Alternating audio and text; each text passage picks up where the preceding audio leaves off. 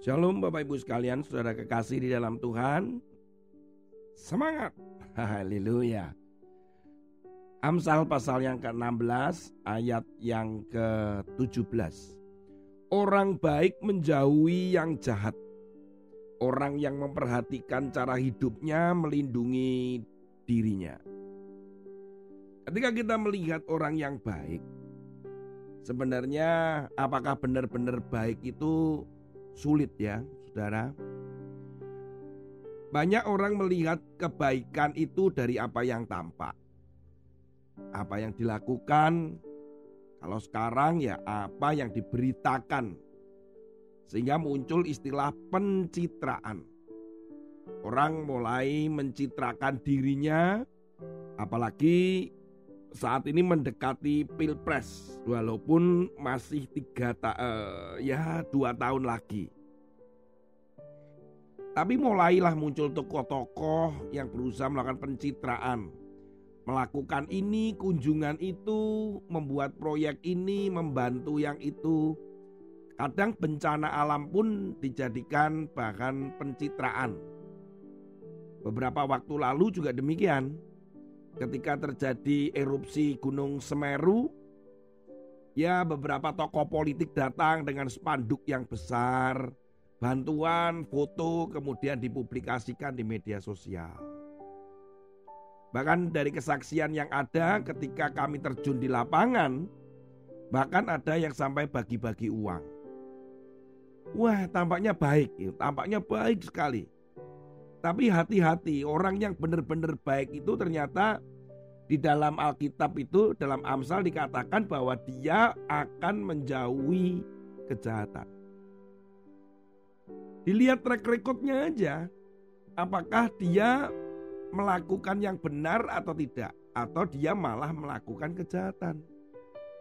Karena kalau dilihat dari apa yang dilakukan sehari-hari, nggak kelihatan, saudara ya. Karena di balik itu ada apa dan mengapanya kita tidak tahu. Tetapi sekali lagi orang yang baik itu adalah orang yang menjauhi kejahatan. Kalau dia masih melakukan kejahatan, kebaikannya diragukan, gitu saja. Bahkan orang yang melakukan dengan melindungi dirinya supaya tidak berbuat jahat itu, dia sebetulnya melindungi dirinya. Saya ambil satu kasus lah. Oh jangan satu kasus, dua kasus. Beberapa bulan yang lalu terbongkar atau terkuak bagaimana seorang tokoh agama bernama Heri Wirawan yang dia punya tempat untuk pondok, untuk anak itu sekolah. Tentunya pasti bukan sedikit tetapi pasti banyak. Karena mungkin kelihatan baik begitu ya. Kalau saudara lihat fotonya memang fotonya itu Pak Heri Wirawan ini polos. Kayaknya wajahnya itu sumringah begitu. Nah orang itu melihat baik. Kalau nggak baik mana mungkin dia bisa kumpulkan orang-orang atau murid-murid sebegitu banyaknya.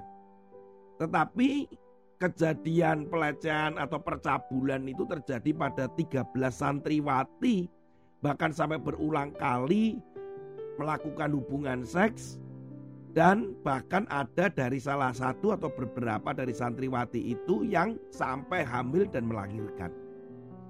Kemudian Pak Heri ini juga menggunakan pondoknya itu untuk menggalang dana bantuan untuk menerima donasi. Bayangkan, semua pada menganggap dia adalah baik, tetapi kenyataannya jahat tuh. Dan sekarang lagi polemik atau terjadi pro kontra karena dia hanya dihukum seumur hidup. Padahal tuntutannya banyak bahkan ada yang menuntut hukuman mati saudara ya. Ada yang menuntut kebiri dan sebagainya. Tetapi dengan hukuman seumur hidup ini menjadi pro kontra sekarang hari-hari ini. Kasus yang kedua adalah pendiri sekolah yaitu Selamat Pagi Indonesia. Saudara pasti pernah mendengar itu yang ada di Batu Malang. Itu juga demikian, orang menganggap dia baik. Tetapi pelecehan yang dilakukan kepada para siswa secara kekerasan seksual pun muncul. Terus kemudian juga dia juga melakukan satu eksploitasi wirausaha. Dan lebih daripada itu ternyata ada pelecehan seksual. Yang mengalami ini pun adalah mereka yang pernah sekolah di situ atau masih sekolah di sana. Tetapi tiba-tiba terkuak di tahun lalu. Semua pada kaget termasuk saya. Karena saya ya saya tidak kenal tapi saya tahu kalau di dunia pendidikan itu seperti itu sangat luar biasa gitu loh. Bahkan sempat masuk dalam satu talk show yang terkenal di salah satu TV swasta di Kick Andy. Dibuatkan filmnya di layar lebar. Nah, artinya ini dana juga mengucur, donasi turun. Dia baik sekali, sepertinya reputasinya fine fine, baik. Tapi ternyata yang terjadi adalah puluhan orang atau puluhan remaja atau anak menjadi korban. Hanya belasan yang akhirnya mengaku saja di hadapan polisi dan membuat berita acara. Tapi hari-hari ini terus proses pengadilan sedang berjalan. Kita nggak tahu nanti akhirnya seperti apa. Tetapi bahwa orang itu mau ikut, mau terlibat, mau mendonasi, mau sekolah di sana, itu karena melihat oh ini baik. Ternyata di belakangnya itu jahat sekali seperti serigala. Sehingga muncullah istilah serigala berbulu domba. Saudara kekasih di dalam Tuhan. Ketika kita melihat sekitar kita tampaknya baik. Tampaknya baik. Orang ini baik. Bantu, menolong, berdoa. Aktif di gereja, pelayanan, berkhotbah, macam-macam.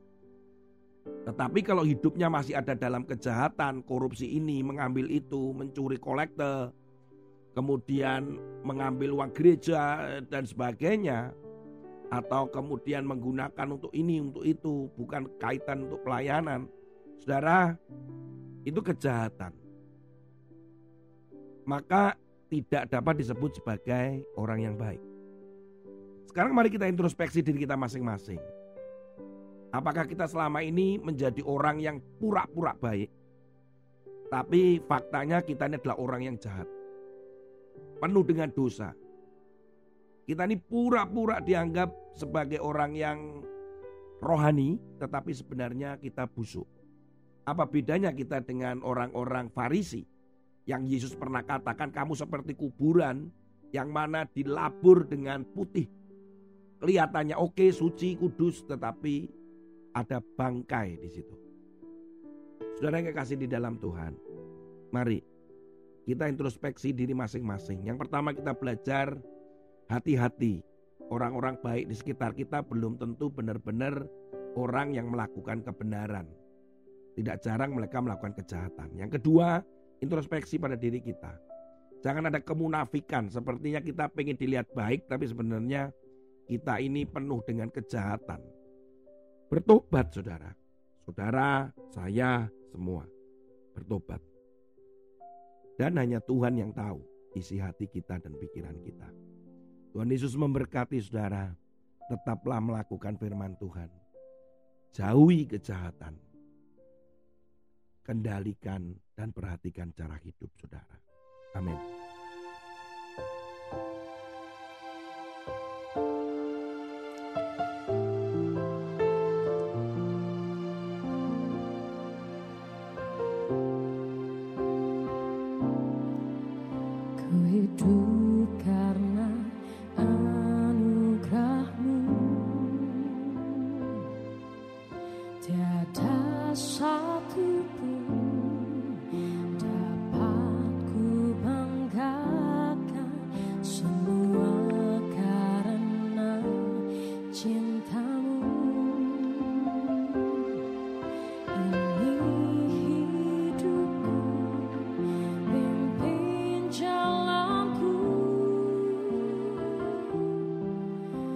是。